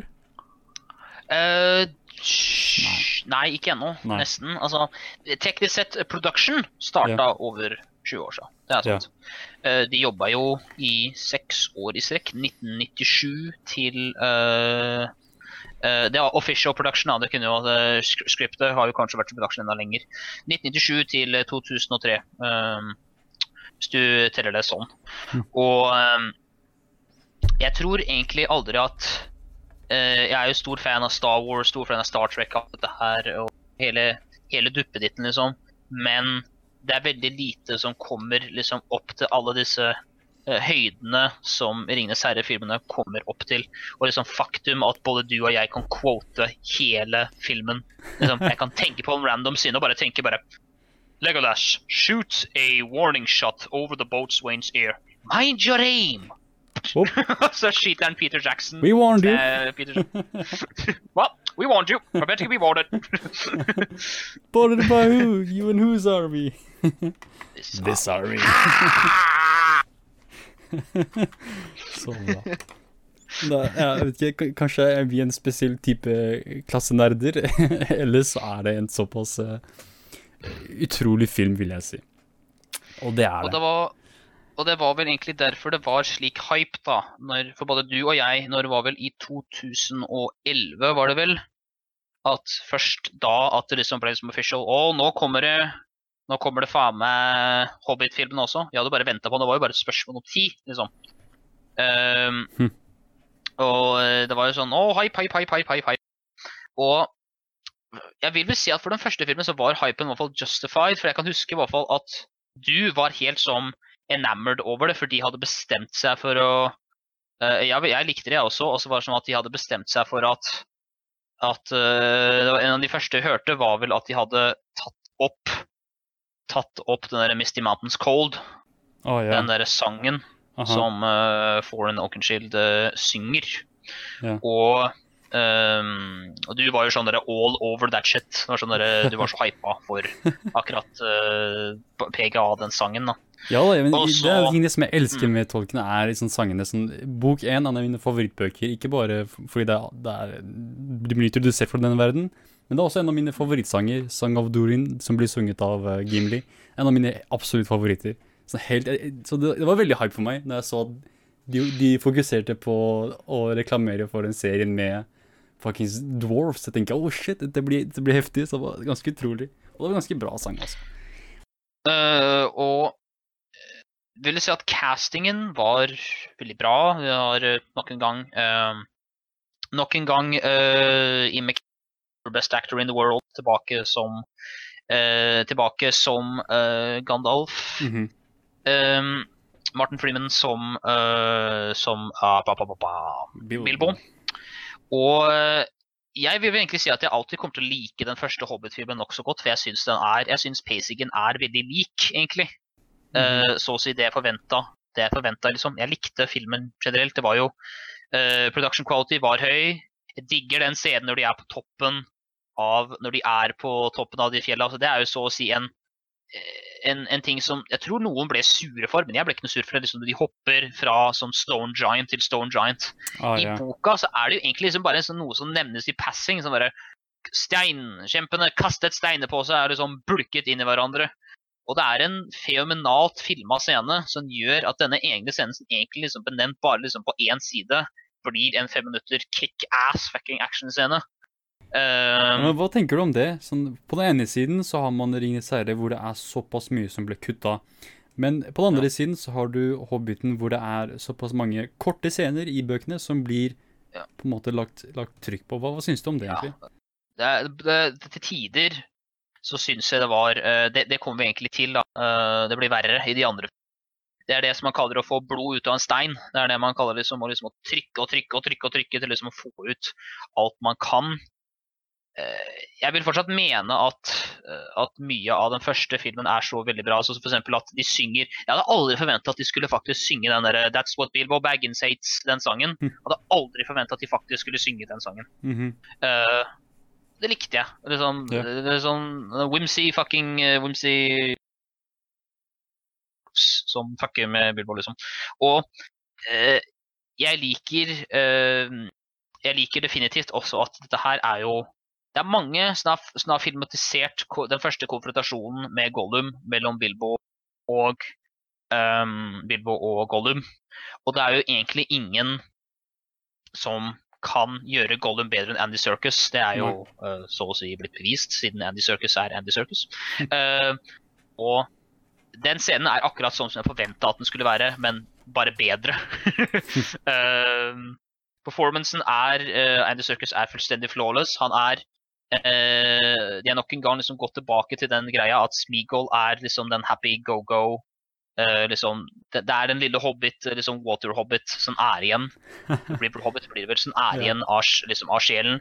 Mens Gollum er vindictive, psychopathic, sånne, eller liksom, sociopathic son of a bitch, som skal ha Som eh, tenker bare på mat og vil da bare drepe en hobbit og ete hobbiten. Yes. Um, og eh, veldig bra genuine performance av Andy Circus når han står avord som ehm, Når han står der liksom, og beskytter hula da, for at uh, når han sånn blokker utgangen, hvor du da virkelig føler sympati da, for Gollum når han ser skikkelig trist og lei seg ut. Ah, ja. uh, når han ikke Fordi han har ikke lyst til at ringen skal forsvinne. Uh, sånn er derfor også og da, da forstår jeg liksom OK, jeg ville spart livet hans, jeg også. Mm. Og eh, det, det er mye sånn, og så er det Jeg syns ikke originalt at det var en dum idé av å ha en nemesis for Forken Shield i Azog the Defiler sin uh, sønn, da, eller whatever the fuck det var. Det var vel egentlig bare Azog the Defiler. Um, som mista arven sin og dukka opp som en jævla cyborg, whatever. Um, jeg syns ikke nødvendigvis det var en dum idé. Har en villain som legger til litt sånn ekstra tension her og der. Um, og de har vel en konfrontasjon, husker jeg vel. De har vel en konfrontasjon den første filmen? Jeg husker faktisk ikke det, altså. Det er lenge siden jeg har sett den, fordi eh, vel, du veit, visse ting la så dårlig smak i munnen min. Um, så jeg syns egentlig den første filmen er nokså grei. Ja, jeg, vil si den første, den eh, det, er, en- det, er en, det vil kalle det en klassiker i Hobbit-serien, men resten er på en måte eh, Jeg vil egentlig kalle det fanservice, som mye av uh, film 1, 2 og 3. Det var veldig skuffende i, i sammenligning med Hobbiten, da. Og det, det, jeg skjønner ikke, virkelig ikke hvordan, eh, hvordan Peter Jackson klarte å Jeg vil ikke si ødelegge det, men til en viss grad, jo, han ødela egentlig det en stor mulighet her. Fordi Ringenes herre, de hadde mindre avansert teknologi, mindre penger, men de klarte likevel å skape en uh, slik klassiker, da, mens uh, Hobbiten, nei. jeg- jeg skal være ærlig sånn, for meg, det som avgjør om en film er bra, er hvis jeg, ser, hvis jeg vil se på den igjen. Og med Ringenes Ja. herre, jeg kan, jeg, jeg kan se hele Ringenes herre-trilogien, og sånn, filmen jeg ser etter det, kan være Ringenes herre på nytt. Sånn, de har ikke noe mot. Såpass, såpass bra er det. Jeg Men- ser jo faen meg på kommentaren rett etter at filmen er ferdig. Ja, det er jeg. Men jeg, jeg vil ikke gjøre det samme med Hobbiten. Sånn, jeg, jeg vil ikke se den Jeg kan gå et helt år uten å se Hobbiten, og jeg, jeg, vil ikke sånn Det er ikke noe jeg tenker på engang. Mens Ringenes Altså- er Det er alltid en referanse fra Ringenes herre som dukker opp i huet mitt. Obviously, fordi det er ekstremt få filmer som er så fordømt bra som Fellowship of the Ring, da, derimot. Fellowship of the Ring er liksom noe av det nærmeste jeg kan komme til en liksom, perfekt film i terms of pacing, in terms of liksom, alt, alt liksom. Fellowship of the Ring er en svær liksom, godterisekk som du aldri klarer å slutte å spise. Det er det jeg tenker som Fellowship of the Ring. ja. Og øh, jeg tror kanskje at det ville vært litt likere sånn hvis at jeg kunne hatt en sånn følelse mot den første Hobbiten-filmen også, hvis det ikke hadde vært for at ting begynte å vise liksom sprekker i det nummer to. Nummer to er egentlig en film jeg husker veldig lite av. Fordi jeg, har bare sett nummer to, tror jeg, én gang. Og det var som sagt visse scener som var helt inn liksom OK, men det største problemet jeg hadde også, ok, La oss bare putte det på bordet. Jeg har ikke noe problem med Orlando Bloom. På ingen måte. Altså, jeg har ikke noe problem med Legolas eller Orlando Bloom så å si i filmen. Altså, jeg har jo vokst opp med skuespillere, liksom, å se på skuespillere som Orlando Bloom og liksom, uh, face, uh, Viggo Mortensen og alle disse folka her. Ja. Du, du føles nesten som du kjenner dem. Så å se dem tilbake liksom, Det er teknisk sett mulig, for det er Han er jo en prins av den spesifikke stedet, som han kunne liksom ha dukka opp. Ja. Men det er ikke nødvendig at Legolas skal sitte oppe, oppå toppen av orker som sitter liksom What the fuck? Den derre jeg, liksom, Den scenen når de er i de der, de der tønnene som går ned og Det er sånn, Ja. det er egentlig en veldig bra scene, men det blir sånn hver eneste gang. Det blir, sånn, det blir ødelagt, for det er bare Legolas som hopper rundt på ting, og det er så mye sånn slåssing. Jeg er sånn, what the fuck? Jeg Det er sånn, vet, Trenger jeg virkelig dette her? Det, er sånn, det neste som skulle skje i boka, det, sånn, klimakset, er jo Smaug, uansett. Ja. Så Det blir jo så mye Det blir så mye så kødd, da.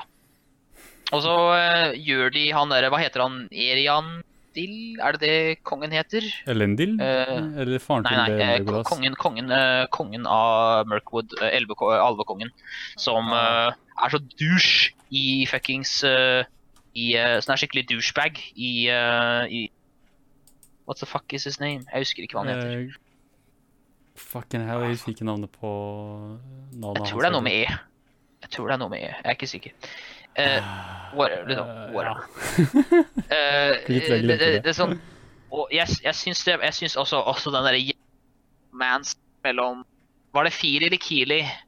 Jeg kan ikke huske. Jeg husker ikke om det var Fili eller Kili. De måtte ha liksom bare forced romance med Alf Woman. Sånn, what the fuck? Det kom fullstendig ut av det blå. Liksom, hvorfor i helvete vil denne liksom Elf Woman her plutselig forelske seg i fucking uh, den ene av de brødrene? ja, men herregud OK, jeg skjønner at de har sånn character development, men Ja, what the fuck, dude? Ja, det Min- var helt unødvendig. Uh... det, det, det føles så pusha opp i trynet mitt, og det er sånn you, uh, Fordi jeg har jo lest boka, jeg veit jo hvem som kommer til å dø. Så jeg blir sånn uh, Oh, it's cheap pop time. OK, I get it. We're getting a cheap death to make it look more significant by having a love interest. Ja, men, og Jeg kan jo forst- som sagt, jeg kan forstå hva de tenkte. For jeg Mhm. kjenner jo liksom så å si uh, Peter Jackson, uh, Fran Walsh, Philip Boyens. Jeg veit hvordan de tenker, men jeg syns de tenkte feil der. Jeg syns Ja. bare de tenkte feil. ja, men, Hva, hva sånn, mener du om to Ja. Med hele den love story-greiene sånn, Ringnes herre naila det helt med, med Eowyn og Ikke Eowyn. eh, Nei, ikke Eowyn. Ja, de, de gjorde det bra med Eowyn også, for, ja, for, for den saks skyld, men Arven, Arven og uh, Ja. Arven Arwen og, og godeste Aragorn. De gjorde det bra med det, fordi det, det var en slags uh, en, en veldig lik en, en, gammel, en eldre myte, eller en fortelling om en alvedronning som Eller alveprinsesse som gifter seg med en eh, dødelig mann. Um, Beren Luthien, som er Det er en slags eh, Ja. Aragorn er egentlig, sånn side note, han er etterkommer av uh, Beren på lik måte som uh, Eowyn også, tror jeg. Jeg tror de er i slekt på den, den måten. Men i hvert fall, det var en slags gjentakelse av den type forhold. da, Altså en alve-nobility som, som, som har forelsket seg i en dødelig mann. Det ga litt mening, men å ha en random alvesoldat som forelsker seg i en uh, dverg-nobility, det var sånn what the fuck, nå, nå tøyer dere grenser her, virkelig. Sånn, bare det at uh, Eowyn og, og Aragorn er forelsket, det er, liksom, det, det, er, det er ikke vanlig at uh, menn og alver på en måte forelsker seg på den måten. Men de får det til å virke som om hele Middle Earth er en slags free for all med tanke på eh, crossbreeding, da. Sånn, eh, Ja, alt du altså, trenger er god jeg- personlighet, så kan du ende opp med en alv. Sånn virkelig. Skal vi disregarde immortality? Sånn. Og det, det som er uh, uh, Det som er slitsomt med hele greia, er at uh, det går egentlig liksom litt for fort, mener jeg. For liksom Mhm. At hun dama skal begynne å like han derre What's His Face. Yes. Ah, det, er, det, er, det er litt sånn Jeg syns bare det er eh, Jeg syns det var en dum idé, generelt. Ja. Altså det som er problemet, det er så masse Det er så masse bortkasta tid. Det er så Mhm. mye sånn liksom Du trenger Jeg er ikke sikker hvem som bestemte at det var en jævlig god idé å lage en trilogi. Det veit jeg ikke hvem som faktisk syns det var en god idé. Det veit jeg ikke. Ja, det var jeg vet faktisk jeg, altså, Men det jeg ikke kan si noe dårlig om, etter at vi er ferdig med all denne bullshitten, alt det som leder med Jeg liker det med at eh, Foreign er corruptible, takket være den der jævla Oaken Hva er det Den derre steinen Hva heter den? Arkenstone. Hva heter den steinen? Arkenstone. Ja. Jeg syns kanskje de gikk for langt med den på noen tider. At han ble så jævla dusj liksom ut av ingenting på noen måter. Mhm. Men at Altså, du kan ikke Jeg har på ingen måte noe dårlig å si med Benedict Cumberbatch som fucking Smaug, ass. Har du Nei. sett opptakene av fuckings Benedict eh, Cumberbatch som tar motion capture av Smaug? Det er det mest insane jeg noen gang har sett i hele mitt liv. Han sitter og ruller rundt på bakken og er helt sånn skikkelig sånn fruity, gay-ass fucking uh, drage. Han er så uh, Han er ikke forelska i noen, han er forelska i seg sjøl. Helt fruity. og sånn bare Og han uh, Benedict Cumberdatch er faen meg gud. Og, Han er en sånn eh, utrolig skuespiller. Det var en av de beste med Perfekt Smaug. Ja, med, Perfekt Smaug. Jeg kan ikke forestille meg noen andre som han også. Ikke sant? Eh, eh, great casting, nok en gang. Absolutt. Uh, uh, og så derimot, men nok en gang Masse Legolas-bullshit. Og Le Legolas har en sånn fight med sånn random orc captain som er, CGI-animated, og jeg han er så stygg. Han derre CGI-orken som Legolas har en sånn blood feud with. Er sånn, han ser ut som total shit! De putta alt for å få Azog til å se skikkelig bra ut, men så har du B fuckings uh, B-line, uh, liksom B-star ork, som Legolas må ha sånn fake ass CGI-fight med. Jeg syns det er så jævla bullshit, liksom. Du, uh, bare liksom ta en titt på han derre ene orken fra uh, Han derre ene orken uh, Samme altså, Lurtz, for eksempel. Lurtz ser helt fucking amazing ut. Og det er samme duden også som spilte han derre Ah, Gorf Gorfmog, han derre med cancer, eh, sånn tumors i trynet. Det er jo fantastiske, fantastiske fuckings makeup-greier. Hvorfor gjorde du, lagde du ikke en sånn figur isteden? Det ser så mye bedre ut. mhm. Og så og, øh, og så har du da det er, Men det her, dette her er det som jeg syns er det store problemet med filmen. Dette her som leder inn til det største problemet film 3. Fordi film 3 har et problem som er så stort, og det er et problem som jeg ikke veit spørsmålet på hvordan de skulle løst med det. For jeg mener at det er viktig å ha karakteren i der, men jeg skjønner ikke hvordan de skulle løst problemet. Og det er What's his face igjen? Som må drepe Smaug. Hva heter han igjen? Gud i helvete, kan jeg Hva heter han? What the fuck? Uh... Han som dreper Smaug? Hvordan kan jeg glemme det navnet?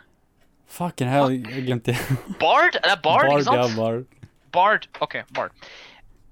Jeg, kan, altså, jeg mener at det, at det ville vært viktig Altså, Bard dreper Smaug. Det er Ja. viktig. Det er en viktig karakter. Uh, og jeg tenkte liksom at Shit, det er, ja, det er viktig at Bard, Bard må være med. Han må være en komplett karakter. Han burde på en måte kanskje også interacte med um, dvergene på en eller annen måte. Mhm. For det, det må liksom være en connection her, men på samme side Jeg trenger ikke å få med meg hele Bard fuckings liksom slekten med i action. Mhm. Og, uh, og dette her og, altså Film 3 er Film 3 er complete and utter fucking dogshit. Ja, men, eh, det, virker, det virker ikke som om det var, det var eh, Peter Jackson som var regissør for, for filmer. Det, det virker som om det var en complete switch, men det var jo ikke det. sånn, jeg, jeg skjønner virkelig ikke hvordan hvor- hvordan man kan gå fra å ha kvalitet som Ringenes herre til Hobbiten, hvor det virka som om Men- en parodi av det noen Ja. trodde Peter Jackson er. Men det er det, det jeg kan forklare det. Fordi dette, Jeg er ikke sikker på om du har hørt det, da. Men uh, dette her er det som skjedde. Del Toro, han der, som lagde Pants Labyrinth og all den skitten, Ja. skulle originalt lage film. Men han sa han fikk aldri nok penger fra Warner Brothers. De ga han aldri penger han ba om, og til slutt så sa Del Toro You know what? Fuck this, I'm out. Og så liksom, liksom rage-quitta, og han gikk og lagde Pacific Rim, som ble en super fuckings hit. Fuck Mm. you, Warner Brothers, for det første. De nekta å gå han pengene han, om ballen. Fordi pengene kom faen meg aldri gjennom. liksom, det var Byråkrati og bullshit, og de tok det ikke seriøst. Så sier Warner Brothers oh shit, oh shit, uh. Hei, Peter, kan du lage denne filmen her også?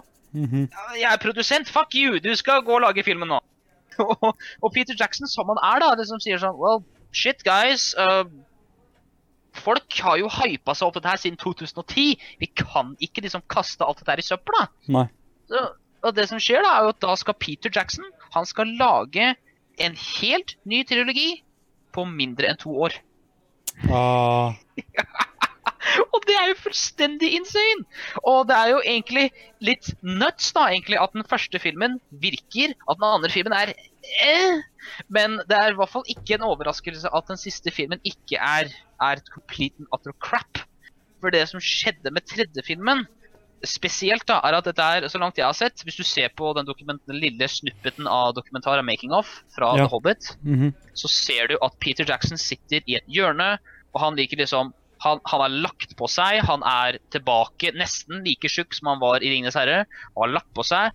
Han sitter her og snorker. Og liksom, brillene er sånn halvveis på, og han sitter sånn og snorker. Fordi Peter Jackson sitter der bokstavelig talt og makes up shit on the fly. Å, Han herregud. bare lager scener og sier sånn Shit, uh, OK, uh, dette, dette. vi har en svær hammer som slår ned. Og vi f- Ja, whatever. Uh, Veta, digit, uh, Veta Digital. You know, du vet, du vet, you know these guys. De lagde fucking King Kong og shit. Yeah. De kan få det til. Og de gjorde jo det. Effektene ser jo bra ut i filmen, i my opinion. Så Mhm. lenge det ikke er uh, Vel uh, liksom uh, Not as of the defiler. Um, og um, Og det, det, det er så trist. Det er bare så trist at du ser det. Og det er en annen ting er jo at uh, Peter Jackson, uh, 'Ringenes herre', ble ikke laget bare av Peter Jackson. Peter Jackson inviterte Det var så mange secondary units. Altså, for de oppdaga liksom shit, vi kan ikke filme alt dette her alene. Peter kommer til å liksom, fuckings drepe seg sjøl. Så de inviterte de beste folka i New Zealand til å filme scener. For eksempel eh, den ene scenen hvor Mary og Pippin er på ryggen til Urukaino, det løper og bare Mad Flash. Den scenen ble ikke filma av Peter Jackson. Peter Jackson supervisa hele greia og liksom gikk over og sa liksom, sure, det her virker. Men han hyrte folk som han stolte på 100% Men det som skjedde mye i Hobbiten, var at f.eks. Um, Peter Jackson stoler jo veldig mye på Andy Circus, og Andy Circus er, uh, var øh, secondary director. Han var vel assistant Ah, director, yes. tror jeg. Og han skjøt en scene. Han skjøt Battle of the fucking Five Armies. Han skjøt det. Alt er praktisk. Det er, ser kjempebra ut. Det er orker, det er dverger, det er alver. Alle slår og banker dritten ut hverandre. Det ser fucking awesome ut. Dette her er hardcore, gammel Ringenes herre. Så får du en jævla telefon sier Sorry, guys. Alt dette her uh, Vi kommer til å gjøre det digitalt. Nei. Og du ser du, og, og Andy Circus går liksom og må si liksom You know, guys, it's been fun, but none of this is going into the cut. Og du ser alle går sånn Aah! Og så Wow. folk bare liksom går off rage, og Andy ser helt liksom, sønderknust ut når han må liksom forsøke å se glad ut foran kamera. Well, that's what happens, you know.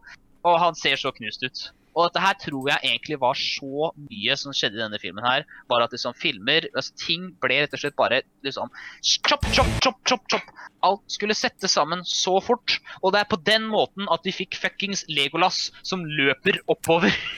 Fallende som løper oppover fallende trappetrinn for å lande oppå skulderen til en ork, og så stikke han. Det er det mest Det er liksom På det øyeblikket så bare lo jeg. Jeg hiksta og lo, og så bare slo jeg hendene opp i lufta. I'm done! I'm done! Og så bare Ja, gikk jeg. herregud. Jeg Jeg skammet meg virkelig når jeg så så det. kino. altså. Jeg ble virkelig flau når jeg så det. Så jeg, jeg skal. Jeg tenkte sånn Oi, når folk som kommer til å se på denne filmen her, kommer til å tenke Hi- Ivar liker visst dette her. Nei, jeg gjør ikke det. Dette, dette her er ikke det jeg liker med Ringenes herre.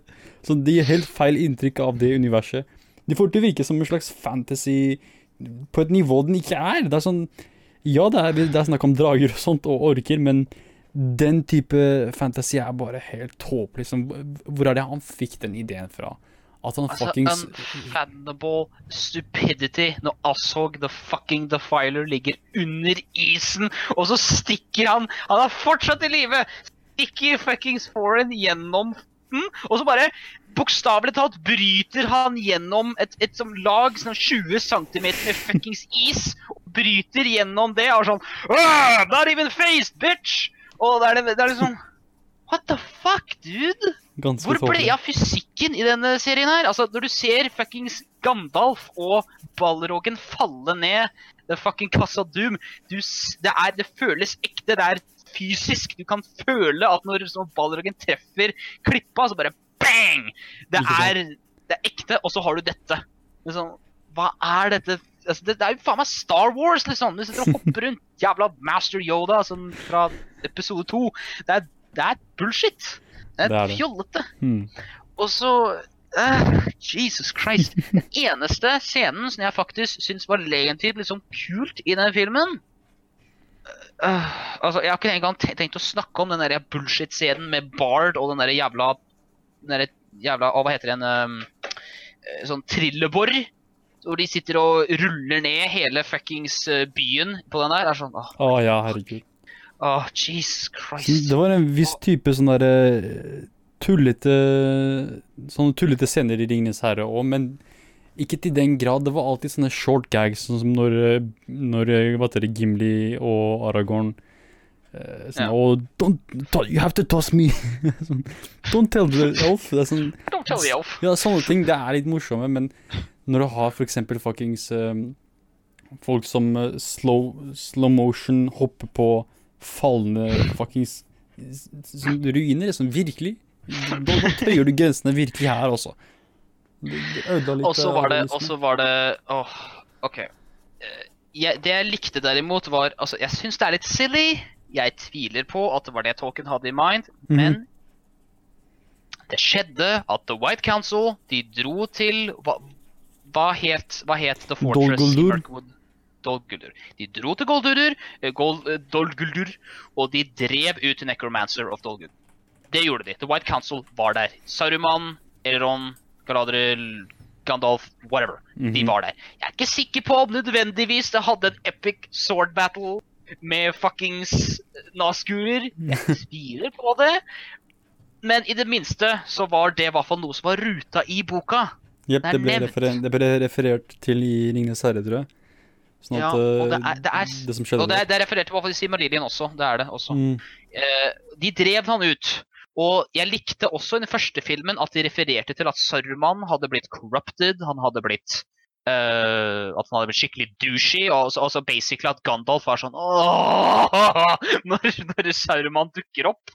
Fordi han vil egentlig ikke ha noe med filmen å gjøre, for han veit at han er full of shit allerede.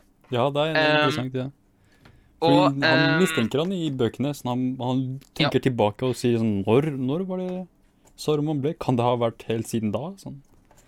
Ja. Han mistenker. Og eh, og så liker jeg liker egentlig en scenen hvor Galadriel liksom siste liksom Ember av gammel Alvisbakk driver Sau- Sauron ut av uh, Mirkwood.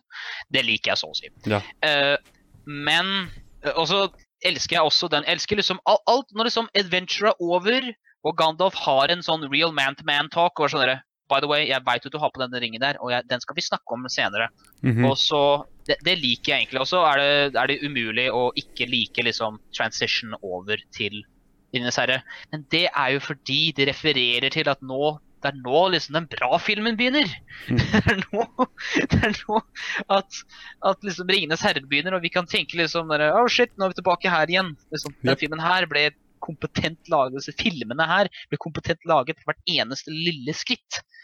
Og The Hobbit Sorry, ass. Sorry, uh, Peter. I love you, fat tub of shit. But dette her gikk Dette her går ikke. Men hva, hva, om du- hva om du ser på det på den måten her, er at Hobbiten blir på en måte en slags introduksjonsfilm for den yngre generasjonen, som eh, kanskje ikke er gammel nok til å se på Ringnes herre, fordi keep it real, altså, det er ikke Jeg vil i hvert fall si sånn 10-11-årsgrense på Ringnes herre, så Hobbiten kan på en måte, på en måte være sånn introduksjon for barn til dette universet.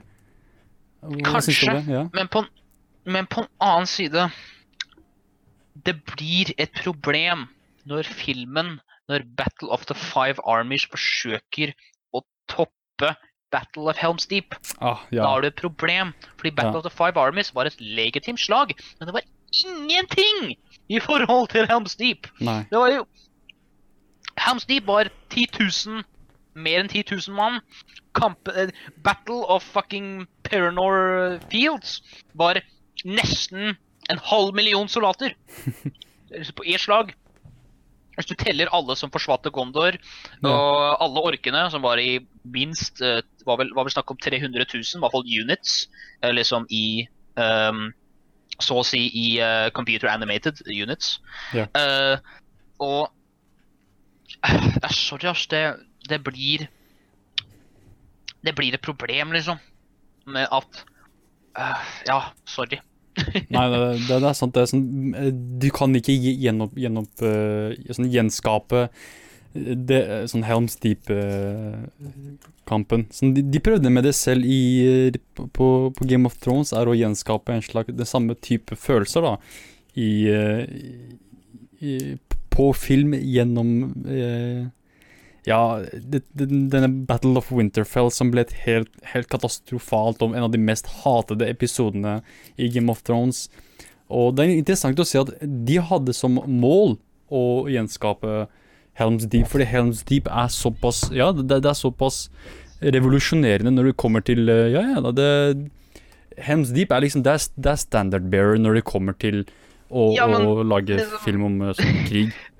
Yeah, shit, men det er jo Det er en grunn til at Helms Deep er det beste, liksom, så å si, slaget I hvert fall beste siege battle jeg veit om i film. Mhm, Ja, Fordi alt er riktig. yes. Det Liksom, du syrer Og det er ikke engang lyden av eh, liksom, ekte soldater. Det er en sånn helt, helt banal lyd som de har brukt. Mhm. Jeg er ikke sikker på hva det var for noe, men det har ingenting med det har, Jeg tror faktisk det bare er noe sånn derre eh, sånn, noe sånn blokker med stein som soundingeniørene bare flytta ved siden av hverandre, som mimiker lyden av liksom bom, bom, bom soldater som går fremover. Mhm. Og du har regnet som kommer opp. Du ser liksom Theoden og gutta hans ser opp, og så bare klang, klang, klang, klang, klang, klang, klang, klang, klang, klang, oppå suiten. Alt er perfekt Mhm. i den der jævla greia med han uten øye som skyter pilen, og så bare Ata! Bare ikke skyt! og og, det er liksom Absolutt alt virker i den jævla kampen. yes. Og hvis du hvis, hvis, de seriøst forsøkte å imitere Helms Deep i den der jævla, jævla kampen, den derre Den derre jævla Battle of Winterfell, fy Mhm. faen. Eh, altså, da, du, snakker, du snakker ikke om Battle of den andre Battle of Winterfell, når det er den Battle of the Bastards. Det er ikke den du snakker om. Uh, jeg skal være ærlig, Battle of the Bastards, det er en av de Jeg vil si Jeg vil putte den etter Helms Deep med tanke på uh, Ja. hvor bra det er. Battle of the Bastards var Ja. bra, Det var, det var Men- bra. Ja. men ikke Ikke The Long Night. Ja, The Long Night. The Long Night var Ja, det er det den heter. ganske, ganske flau, sånn herregud. Det er sånn et av de Jeg har jo lenge vært fan av Game of Thrones, og for meg den av de største skuffelsene er at denne, denne kampen som har blitt hypa opp gjennom hele serien, eh, ender opp på den måten her. Heldigvis så hadde jeg en veldig bra TV med, med god uh, lysstyrke, så jeg kunne se litt av det som skjedde. Men uh, det, det var jo helt katastrofe. Det er sånn utrolig mange folk som klagde på hvor mørkt det var. Sånn, vi, vi kunne virkelig ikke se en dritt. Og det var ganske tullete, sånn, med tanke på hvor mye penger de brukte også. Og hvor lenge de filmet. Sånn holy shit. Jeg lurer på om de var liksom bokstavelig talt bare skrudde ned gammaen liksom på opptaket. Så liksom bare, yeah, sure. Det må nok være det, ja. Det må nok være det. Eh, men det, det beviser bare, sånn, selv om, selv om 'Ringenes herre' er en veldig gammel film, så gjør den Den gjorde noe riktig som selv dagens filmer og dagens beste serier ikke klarer å få til. Så det, er ikke med ingenting at jeg sier at 'Ringenes herre' er en klassiker. Ikke bare bøkene, men filmene også. en Absolutt klassiker.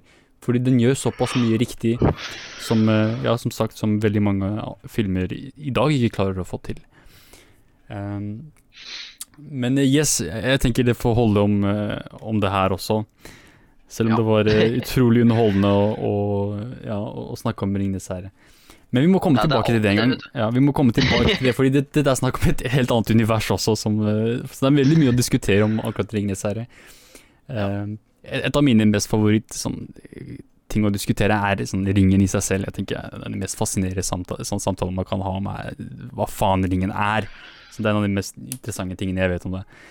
Uh, I'm giving it to you. Don't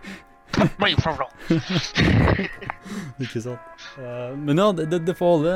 Så uh, takk for at du joina, Mr. X. Det var uh, en, en fryd. Og takk for at du hørte på. Og nå litt heftig musikk.